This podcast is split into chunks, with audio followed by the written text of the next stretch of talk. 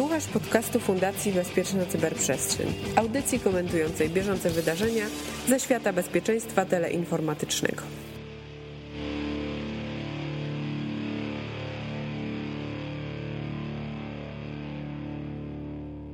Trzy tygodnie minęły od nagrania ostatniego odcinka i te trzy tygodnie pokazują, jak dużo może stać się w informatyce, a zwłaszcza w bezpieczeństwie w tak krótkim czasie.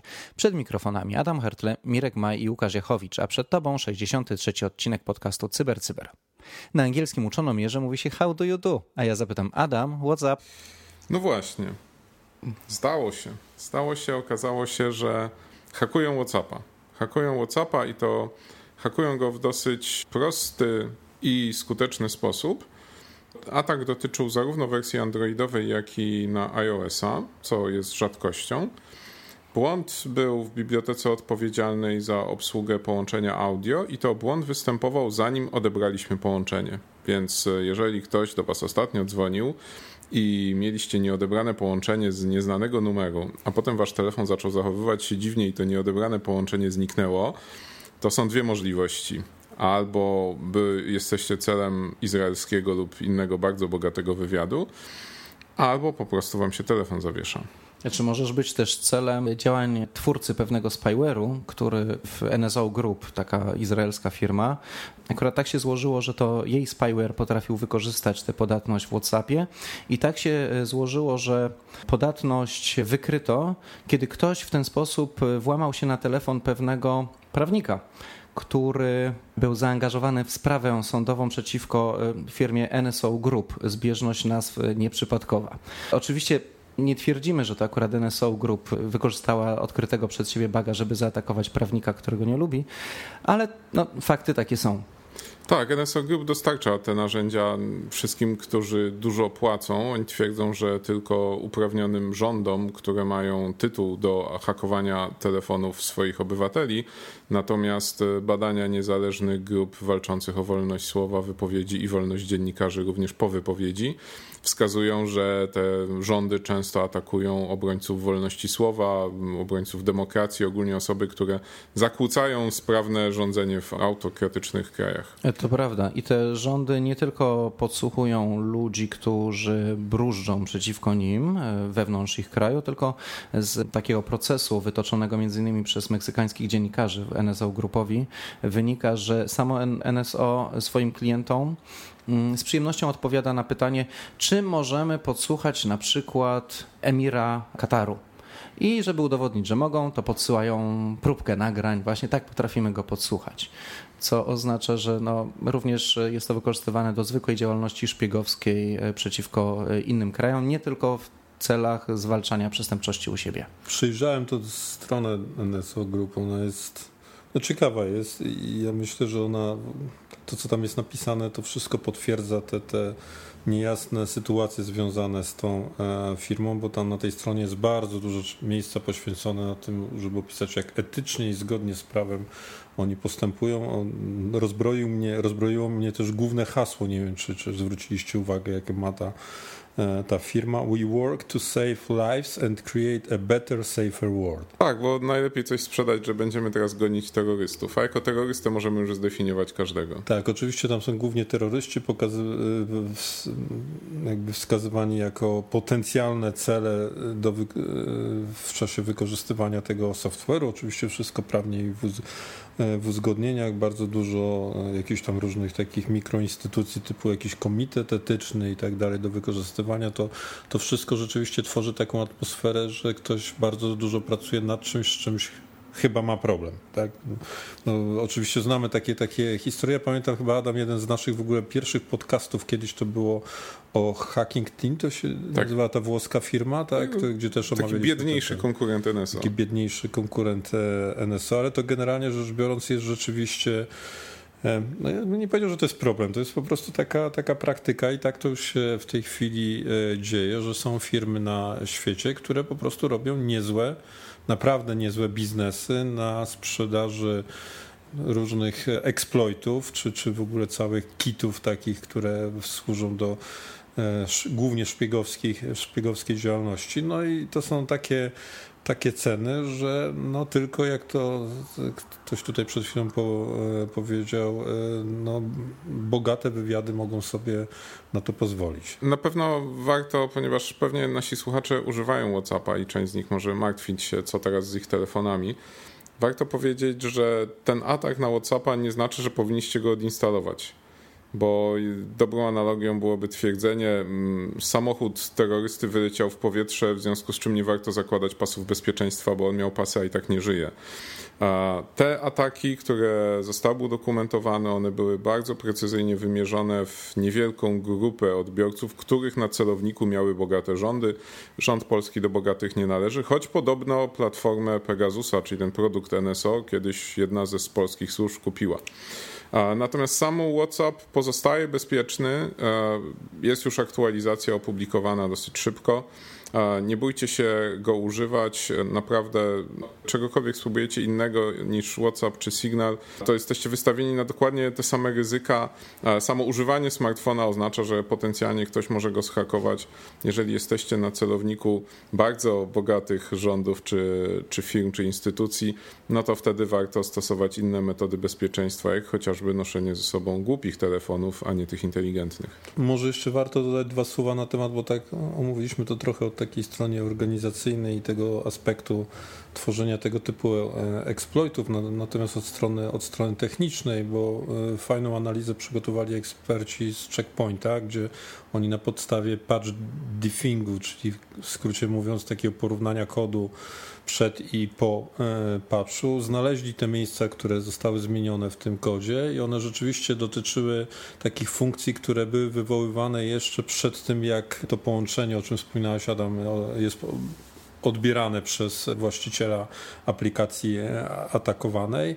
No i zdaje się, że tam chyba o, o, o techniki typu buffer overflow chodziło, w które one no jakby sprawiały, że na, na, następowało właśnie takie wywalenie tego kodu i możliwość e, jakby zdalnego e, przejęcia kontroli. Tu trzeba oddać hołd komukolwiek, e, kto ten błąd znalazł, ponieważ nie dalej jak w grudniu zeszłego roku Zespół Google Project Zero analizował dokładnie te fragmenty kodu najpopularniejszych komunikatorów, w tym również WhatsAppa.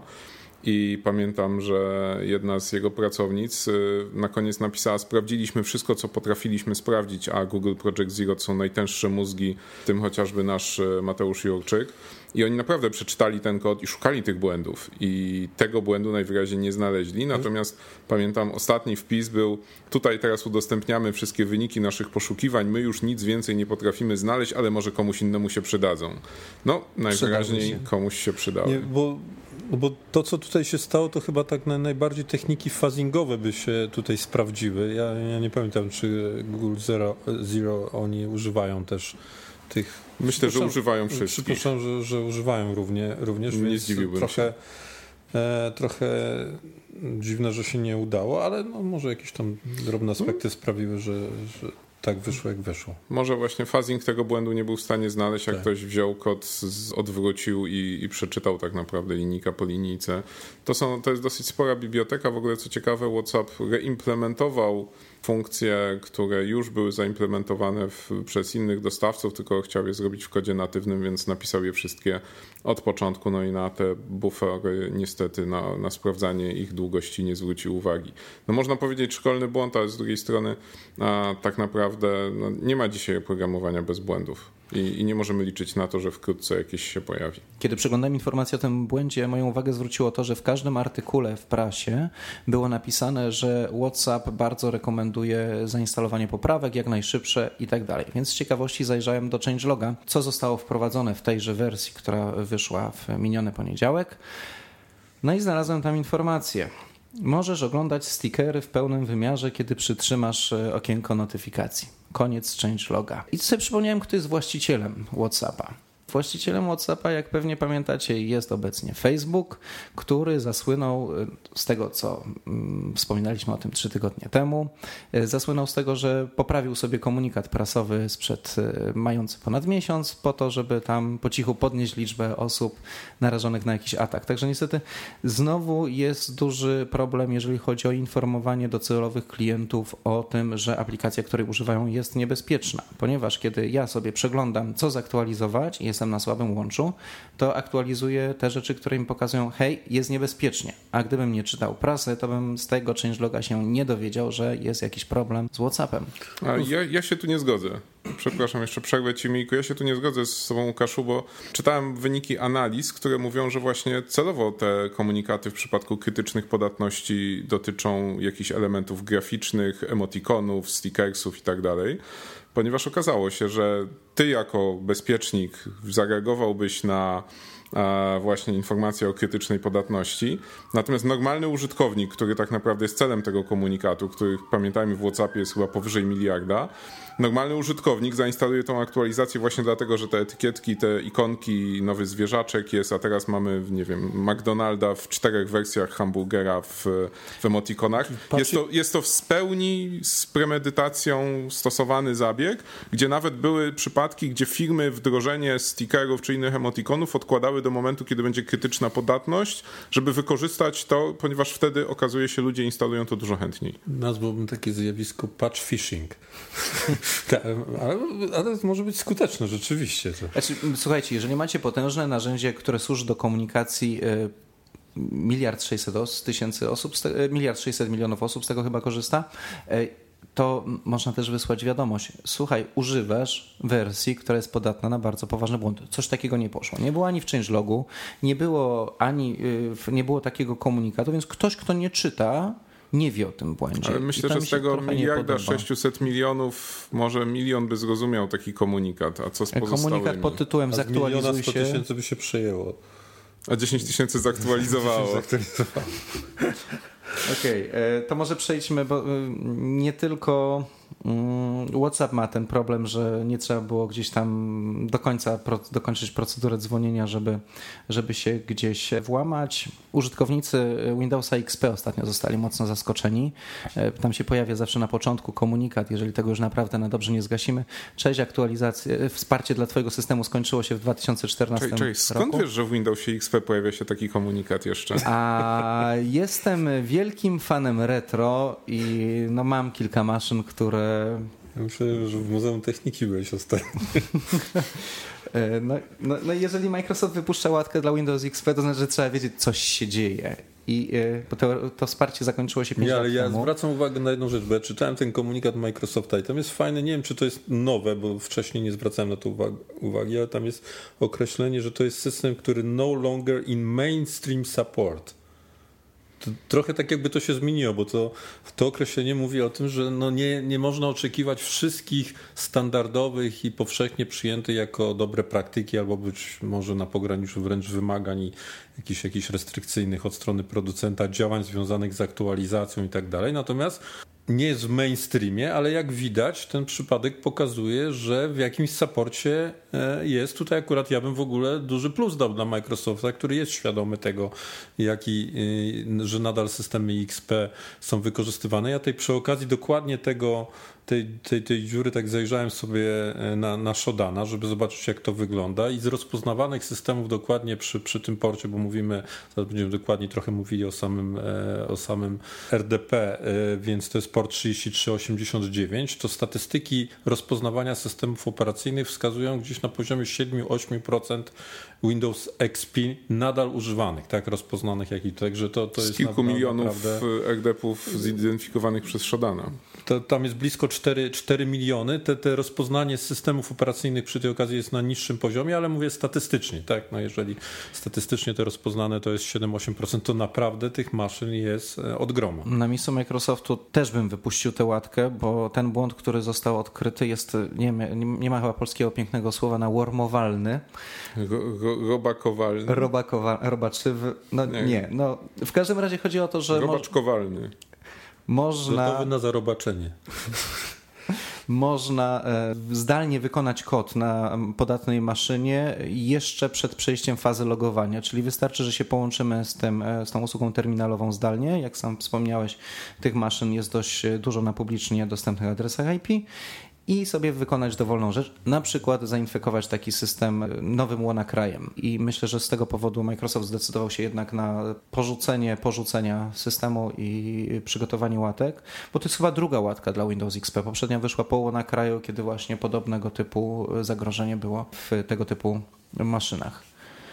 Dojrzałe podejście ze strony Microsoftu, bo z jednej strony odmawiają wsparcia XP-ów, żeby klienci przenieśli się na nowsze wersje i ma to sens nie tylko komercyjny, ale także z punktu widzenia bezpieczeństwa, bo im nowszy Windows, tym bezpieczniejszy i faktycznie te postępy przez ostatnie 20 lat w zakresie zabezpieczenia Windowsa są ogromne. Natomiast z drugiej strony no, zdają sobie sprawę z ryzyka, na jakie wystawiają tych, którzy nadal z tego XPK korzystają. Poza tym pamiętajmy, no, XPki są w wielu urządzeniach, których nie mogą zostać zupgrade'owane, gdzie są częściami jakiegoś, jakiejś większej całości i działa to tylko dlatego, że tam dalej jest XP. No i Microsoft e, wydając tą aktualizację dla XPK pokazał, że jednak bezpieczeństwo ważniejsze od biznesu i ważniejsze od krótkoterminowych celów sprzedaży. Nie, dokładnie tak jest, bo, bo myślę, że e, tutaj nie wskazując na żadnego konkretnie, bo możemy to odnieść praktycznie do każdego operatora, większego operatora infrastruktury krytycznej, stawiam tutaj dolary przeciwko orzechom, że w momencie użycia prostego Nmapa, wykrycia środowiska teleinformatycznego, to tam Windows XP jest wszędzie. Po prostu jest, jest u każdego, dlatego że wiadomo, że te cykle życia tych, tych produktów i cykle jeszcze łatania tych produktów to są po prostu tak skomplikowane i długie, że to możemy spokojnie e, założyć, że tam takie, takie systemy są i rzeczywiście też tu, tak jak, jak wspomniałem, zgadzam się, duży plus dla Microsoftu, dla za dojrzałą postawę, jeżeli chodzi o wypuszczenie tej łaty. No a teraz mamy wyścig. Mamy wyścig, kto pierwszy napisze tego. Co nie zmienia właśnie, co nie zmienia w ogóle faktu, że, że zgadzam się też z tym, że, że możemy tutaj nowego łona kraja po, powoli oczekiwać, bo no pewnie wiadomo, już gdzieś są... czeka ten payload tak, na doklejenie modułu. Tak, jakie są statystyki łatania i one wszystkie są takie, że po prostu nawet za kilka miesięcy nadal będzie duże pole do popisu dla tych, którzy będą chcieli taki, takie automatyczne narzędzie do, do ataku e, przygotować i, i niestety e, jak ta, jeżeli ktoś tak zrobi, to, to wróży niestety sukces. A poza tym podatne są nie tylko Windowsy XP, o tym pamiętajmy, Windows XP jest najstarszy, tak, tam aktualizacja... 2008 do 2003. Wydaje mi się, że 2003 7. też został zaktualizowany, chociaż on też już jest tak. na liście systemów, które nie powinny być aktualizowane. Z ciekawostek, jeżeli mówimy już o WannaCry'u, niedawno przeczytałem, że WannaCry dalej podróżuje po sieci. Honey, honeypoty je wykrywają, natomiast nie jest to oryginalny WannaCry. Jest podobno cztery różne zmodyfikowane wersje WannaCry'a przez osoby, które chciały najwyraźniej dorobić na mechanizmach. One mają spaczowany ten mechanizm wykrywania domeny, która miała WannaCry'a blokować. Natomiast okazuje się, że żaden z tych czterech nie szyfruje komputera, bo wszystkie są uszkodzone i payload się nie uruchamia. Ja myślę, Ale podróżują. Ja myślę, że po sieci to jeszcze Nimda podróżuje, Konfiker to na pewno, to po prostu to, to, to w internecie, zgodnie z tym, że w internecie nic nie ginie, to te, te robaki też w internecie nie, nie, nie giną. One cały czas gdzieś tam znajdują pożywienie do, do tego, żeby tak. dalej, je, dalej Jeden, skrobać. słuchajcie, z pierwszych robaków internetowych, taki z końca lat 80., ponownie ujrzał światło dzienne na początku lat 90., bo ktoś go z archiwum wyciągnął, przepisał. Ale ktoś tu się retro interesuje, prawda? Tak, wspomniałem. Tak, ciekawe, czy będzie za 20 lat ktoś mówił, ja mam takie hobby, że trzymam przy życiu stare wirusy. E, jest właśnie e, przygotowywana taki happening artystyczny, jest e, laptop zainfekowany sześcioma ransomami do kupienia. Bardzo, bardzo ciekawe. Ciekawe, czy one walczą, który pierwszy zaszyfruje. Tak, ale najbardziej mi się spodobało reklama kontekstowa, która mi się pojawiła przy artykule poświęconym temu laptopowi. Otóż była tam reklama darmowych narzędzi do szyfrowania dysków. Tak, ransomware to w sumie też darmowe narzędzie do szyfrowania dysków, więc pasuje. Tak, płatny jest, od... dodatkowo. płatny jest odszyfrowany. tak. To tak jak te słynne triki no, na turystów w Egipcie, że wejście na wielbłąda jest gratis, tak? Okej, okay, e, przejdźmy do e, tego, jak możemy się dobrze zabezpieczyć, bo my ciągle mówimy dwuskładnikowe uwierzytelnianie, dwuskładnikowe uwierzytelnianie, a najlepiej sobie kupmy taki klucz sprzętowy. E, I jednym z tych kluczy sprzętowych jest no, w zależności od tego, kto go właśnie obrandował, jest albo Fejtan, albo inna jego nazwa to jest Google Titan. wersja z modułem bluetoothowym. No i tak się okazało, że można spróbować podejść do człowieka, który korzysta z tego modułu bluetoothowego do dwuskładnikowego uwierzytelniana i przechwycić procedurę e, uwierzytelniającą. Znaczy tak nawet procedurę parowania tego fizycznego klucza z telefonem. Scenariusz ataku jest taki, że no, nie spodziewałbym się, nawet będąc użytkownikiem akurat tego modelu klucza, na szczęście nie jestem, więc nie mam problemu, nie spodziewałbym się, że ktoś mnie w ten sposób zaatakuje, no bo to parowanie klucza z telefonem odbywa się z reguły raz w momencie, kiedy ten klucz nabyliśmy i, i podłączamy do swojego urządzenia. I w trakcie tego procesu parowania musiałby obok nas być ktoś, kto go zakłóci i wykorzysta i przejmie to uwierzytelnienie. No, prawdopodobieństwo jest znikome, natomiast ku mojemu zaskoczeniu Google mimo tego powiedziało, że te klucze swoim klientom wymieni, co jest znowu Musimy no, kolejną okay. firmę pochwalić bardzo dojrzałym podejściem do bezpieczeństwa. Ja tu będę trochę hejtował ten, ten przypadek, bo to dla mnie tak, nie dość, że trzeba być tam, zdaje się, podają w stopach, no ale to przypuszczam, że około 10 metrów. Tak? No to jak zasięg Bluetooth No, za, zasięg ten, to, to to jeszcze przecież trzeba znać jeszcze, jeszcze login i hasło po prostu w momencie sparowania ze swoim ze swoim No jak ktoś jest tak już blisko, naprawdę, to może podejrzeć. Już naprawdę już brakuje tylko tego, że musi być najedzony jeszcze atakujący, a, a ofiara musi być głodna po prostu, żeby, żeby to się wszystko udało. Trochę, trochę e, prześmiewam, prześmiewam może za bardzo, ale no, no rzeczywiście tych warunków jest, jest sporo do spełnienia, żeby to się udało. No, zgadzam się z takimi opiniami, że, że większość największym zagrożeniem jest, że ktoś to wyciągnie z kieszeni po prostu i, i szybciej sobie po prostu z tym, z tym poradzi, ale okej, okay, no, no ciekawe ile tego jest, ile to będzie kosztowało Google. E, znaczy, chyba nie wiadomo, ja nie, ja nie jestem nie, pewien, nie czy tam parowanie jest jednokrotne, czy przy każdym użyciu, bo to niekoniecznie jest takie parowanie, jakie my mamy ze słuchawkami. Pamiętajcie, że to są urządzenia, które możemy wciskać, znaczy łączyć właśnie po to, żeby można było z cudzego urządzenia myślisz, skorzystać. że za każdym skorzystaniem, za każdym, przy każdym logowaniu jest parowanie? Nie, ale na przykład nie, wyobrażam jest... sobie, wiesz, na e, publicznie dostępnych terminalach czy, czy komputerach tego typu e, po, postawić sobie maszynkę przechwytującą i jesteśmy w domu. Tylko mówimy tutaj o kluczu, który tak naprawdę łączymy po Bluetooth jest urządzeniem mobilnym, więc teraz raczej rzadko korzystamy z cudzych urządzeń mobilnych, znaczy, nawet gdyby... No, znaczy on jest uniwersalny, nie? Można wymyślić poprzez, tak. tak jak mówisz, że gdzieś tam można, no bo urządzenie, które będzie szybciej naciskało niż właściciel, tak? Gdzieś tam szybko i, i szybciej, szybciej to sparuje, ale bym powiedział, że to ewentualnie prowadzi, może prowadzić do jakiegoś szerszego e, blokowania możliwości użycia tego raczej niż przechwytywania, no bo jeżeli jest tak, jak tam jest napisane przy tym opisie, że to jednak nadal mimo wszystko wy, wymaga. wymaga loginu i hasła, no to, no, no to... na tym polega dwuskładnikowe no uwierzytelnianie. Tak, no, Musisz mieć no dwie tak, rzeczy, które są no ze sobą ktoś związane. Już, dlatego no, tu jeszcze bardziej, tak jak e, wcześniej wspominaliśmy przy WhatsAppie, nie, nie bać się używać, no to tu jeszcze bardziej bym powiedział, że nie bać się używać, jeżeli ktoś ma, bo to zdaje się, że są modele sprzedawane tylko w Stanach, co, co oczywiście znaczy, dzisiaj nie jest wielkim problemem. Dostarczają ale... do Polski. Proszę? Dostarczają. Dostarczają, dostarczają też do Polski, jak większość można, można kupić, więc nie sądzę, że to jest masowe użycie w Polsce. Jak ktoś ma, nie, nie bać się, a przy najbliższej możliwej okazji wymienić, tak, i będzie się miał nowy. Te, te, modele, które dawaliśmy jako nagrody, nie mają Bluetooth, ale też były na rynek amerykański. No bo my, my chyba jakoś wiedzieliśmy. Jakoś. Znaczy tak, tak. Się podejrzany odcinek. Na, nawet, nawet jeżeli y, macie tego typu urządzenie i tak jesteście bezpieczniejsi korzystając z podatnego Google Titana niż rezygnując z dwuskładnikowego tak. Natomiast jeżeli macie tego podatnego dodatnego Titana czy Fejtana, to pamiętajcie, że iOS najnowszy zbanował te urządzenia, więc nie będziecie mogli z nich już korzystać na swoich iPhone'ach, więc tak czy inaczej zalecamy wymianę. A, no i dodajmy, że to nie ma nic wspólnego z łamaniem jakby kryptografii tak, tego, tego to rozwiązania. To jest po prostu to jest zupełnie co, To jest problem z Bluetoothem ogólnie. Tak. Czy wierzycie czemuś, co ma w nazwie Secure albo Trust albo coś w tym stylu? No to już mówiliśmy o, o, o, o, tym, o NSO, we work to save lives and create better, safer world. No to Wierzymy, no. Jednym z moich, e, znaczy pamiętam e, jak się bardzo cieszyliśmy, jak wchodziły moduły Trusted Computing, które generalnie wtedy służyły temu, żeby nasz komputer nas nie słuchał.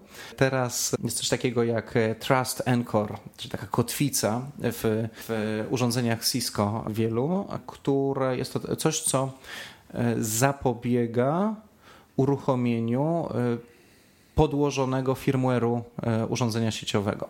No i tak się akurat złożyło, że Trust Encore jest na wszelki wypadek zaimplementowany w sprzęcie jako FPGA, więc teoretycznie jest bezpieczny i wspaniały.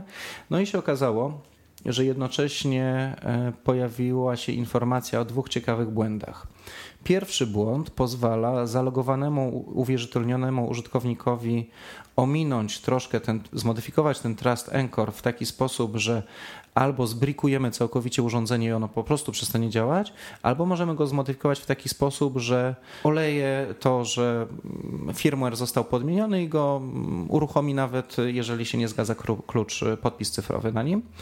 No i drugi błąd, który się jednocześnie pojawił, to jest taki, który umożliwia zdalne wykonywanie z uprawnieniami administratora poleceń na niektórym sprzęcie Cisco aktualizacji, które poprawią ten problem z Trust Encorem na razie brak i jak się pojawią, to raczej będą wymagały obecności administratora e, fizycznej przy każdym urządzeniu. Nie będzie się tego prawdopodobnie dało zrobić zdalnie ze względu na, na to, że to tak głęboko zaimplementowali. No co ciekawe, jedna z teorii mówi, że w ogóle jest fakt, że mechanizmy bezpieczeństwa zostały zaimplementowane za pomocą FPGA, oznaczają, że aktualizacja oprogramowania nie wystarczy. To, to jest ten mój ulubiony rodzaj błędu, taki persistent bug. Jak ktoś ci wejdzie, nadpisze BIOSa, poprawi FPGA, to ty nawet nie wiesz, co tam siedzi, bo nie jesteś w stanie tego sprawdzić. Nawet jeżeli no bo... nikt tego nie zrobił do tej pory, jeżeli chcesz się zabezpieczyć przed tym atakiem, może to oznaczać wymianę routera.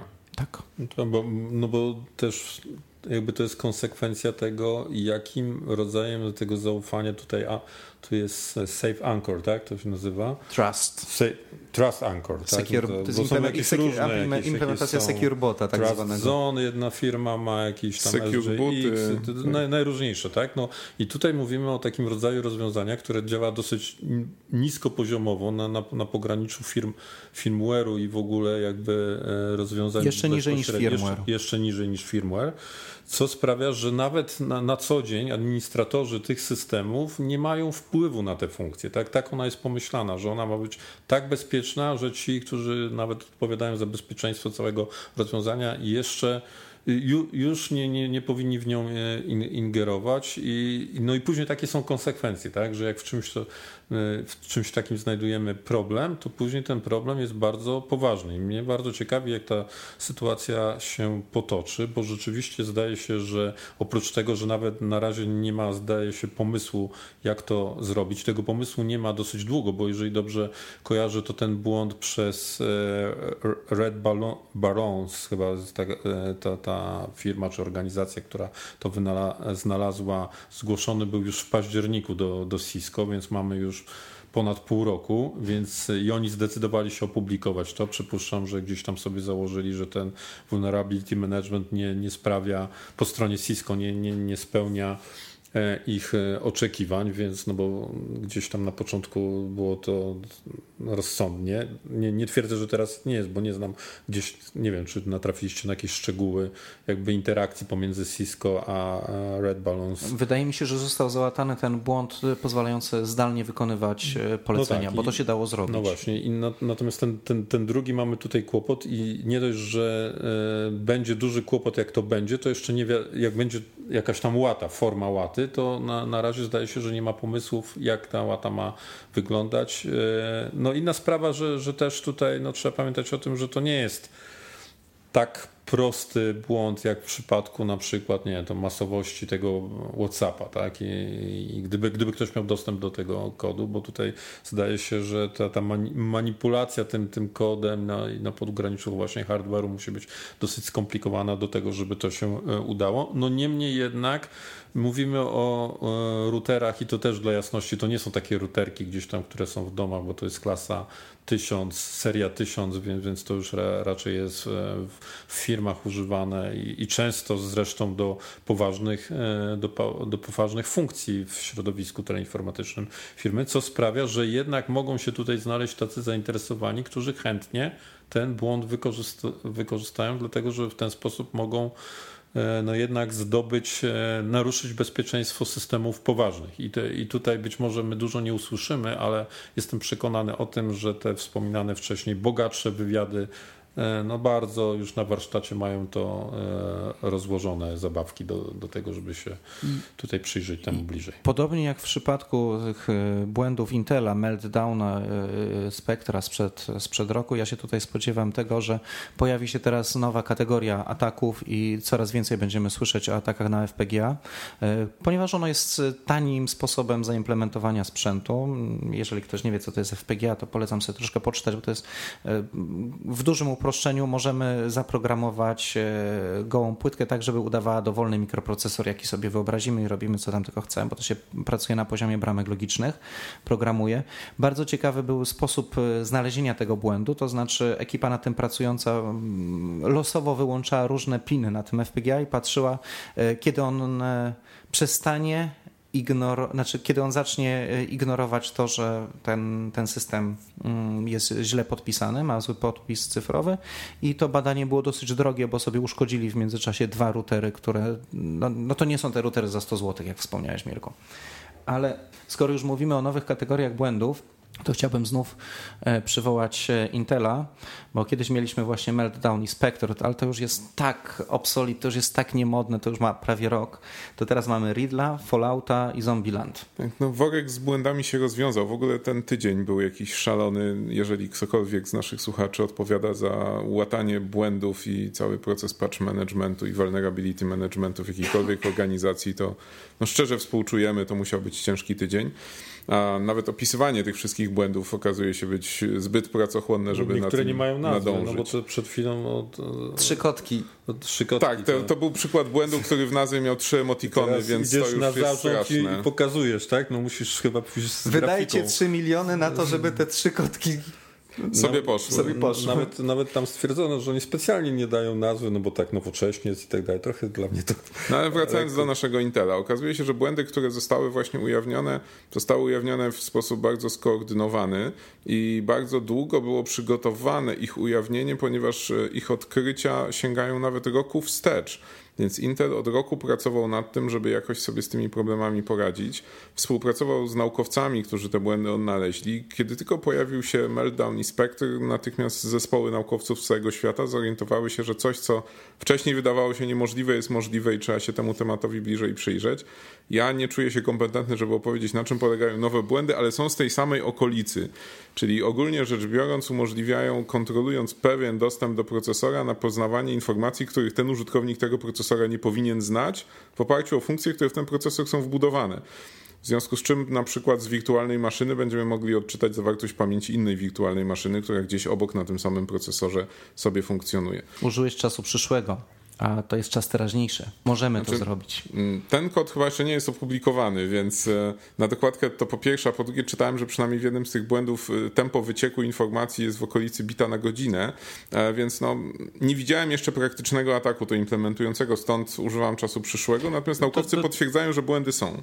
Tak, i zdaje się, że do tych dwóch pozostałych jednak jest troszkę szybciej. Tam proof of concept wyciągał adres internetowy wpisany do przeglądarki, która właśnie jest od odpalona. Pamiętajmy o tym, że mm, to może służyć y, do tego, żeby na przykład zdalnie, tego typu błędy można wykorzystać zdalnie, pisząc złośliwy JavaScript, bo no, wejdziemy na złośliwą stronę i to zacznie nam grzebać po pamięci, wywoła jakąś procedurę, która sięga do haseł i w tym momencie inny rodzaj procesora zacznie przetwarzać nasze hasło i ten JavaScript sobie je może wyciągnąć. To są no tego typu kategoria błędów. Przy Meltdownie czy, czy Spectre nie, nie słyszałem przynajmniej o żadnym ataku, gdzie te podatności zostałyby wykorzystane do tego, żeby komuś coś ukraść. Oczywiście jest wiele ataków, w których się nigdy nie dowiemy, że ktoś coś komuś ukradł. Natomiast na pewno nie było żadnego ataku na ogólną populację, więc jeżeli nas słuchacie i nie pracujecie akurat w jakiejś bardzo ważnej instytucji posiadającej bardzo tajne sekrety, to raczej te błędy was nie dotkną, natomiast to pokazuje ogólny problem producentów procesorów, którzy optymalizują, starają się wymyślać nowe techniki, które by obniżyły koszty, przyspieszyły prędkość. Wszyscy oczekujemy, że procesory będą szybsze i będą tańsze i będą się mniej grzały jednocześnie, co jest trudne do pogodzenia z powodów czysto fizycznych. I producenci procesorów wymyślają, jak to zrobić oprogramowaniem, a hakerzy wymyślają, jak to oprogramowanie wykorzystać przeciwko nam. Więc no, trudny temat. Znaczy miłośnicy retro mają dobrze, bo podatne są wszystkie procesory wyprodukowane po 2008 roku intelowskie, wszystkich tych e, kategorii, ale na przykład P4 może dalej służyć i do zagotowania wody i do, do bezpiecznego poruszania się po sieci. Czyli w sumie wychodzi na to, że powinniśmy korzystać ze starych urządzeń i głupich telefonów. I Windows XP, który mimo wszystko jest dalej XP, łatany. który jest dalej łatany. Ja, ja w ogóle takie mam myśl, pozytywną obserwację, bo tak patrząc na te pięć różnych przypadków, które dzisiaj omawialiśmy, no to właściwie zdaje się, że tylko RDP e, Windowsowe, biorąc pod uwagę to, w czyich potencjalnie jest rękach i jak dużej grupy potencjalnych ofiar dotyczy, jest czymś, co tak jak sobie mówiliśmy, może za chwilę się zmaterializować w postaci jakiegoś e, nowego zagrożenia typu, typu łona, łona kraju, bo te wszystkie inne to są dosyć hermetyczne, tak? Jakby zrozumienie nawet ich to nie jest prosta sprawa, trzeba spędzić ileś czasu, a już wykorzystanie to e, zupełnie, więc ten masowy użytkownik w miarę, w miarę jest bez, bezpieczny, dosyć na, na proste rzeczy dosyć szybko powstają łady, więc to jest ogólnie, ogólnie ok. Natomiast rzeczywiście ci, którzy którzy odpowiadają za poważne rzeczy, mogą mieć coraz więcej e, roboty i może być taki problem, czy oni w większości przypadków mam takie, taką wątpliwość, czy będą w stanie sobie sami z tym, z tym poradzić, bo to znowuż na tyle jest, robi się skomplikowane, że, że siły, które na, nawet w poważnych firmach są e, jakby na miejscu do tego, żeby sobie zajmować się trudnymi przypadkami, tak od razu sobie e, poradzą, więc ta specjalizacja i po stronie tych, którzy potencjalnie atakują i tych, którzy potencjalnie bronią, jest coraz większa i, i wymaga być może specjalistycznych usług e, od strony ochrony również. No i tym optymistycznym akcentem zakończmy 63. odcinek podcastu Cyber Cyber. Gościem Mirka Maja i Łukasza Jachowicza był twórca zaufanej trzeciej strony Adam Hertle. Archiwum audycji i najnowsze odcinki znajdziesz na stronie Bezpiecznej Fundacji. Bardzo bezpiecznej. Bardzo bezpiecznej Fundacji Bezpieczna Cyberprzestrzeń, w katalogu iTunes, na YouTubie, w popularnych serwisach społecznościowych. Nie ma jeszcze jakiegoś czatu WhatsAppowego do kontaktu? No się zawieszony to... jest. A, nikt wam nic nie, nie zainstalował. Nie ma, nie ma. Dzięki i do usłyszenia. Dziękujemy. Dzięki.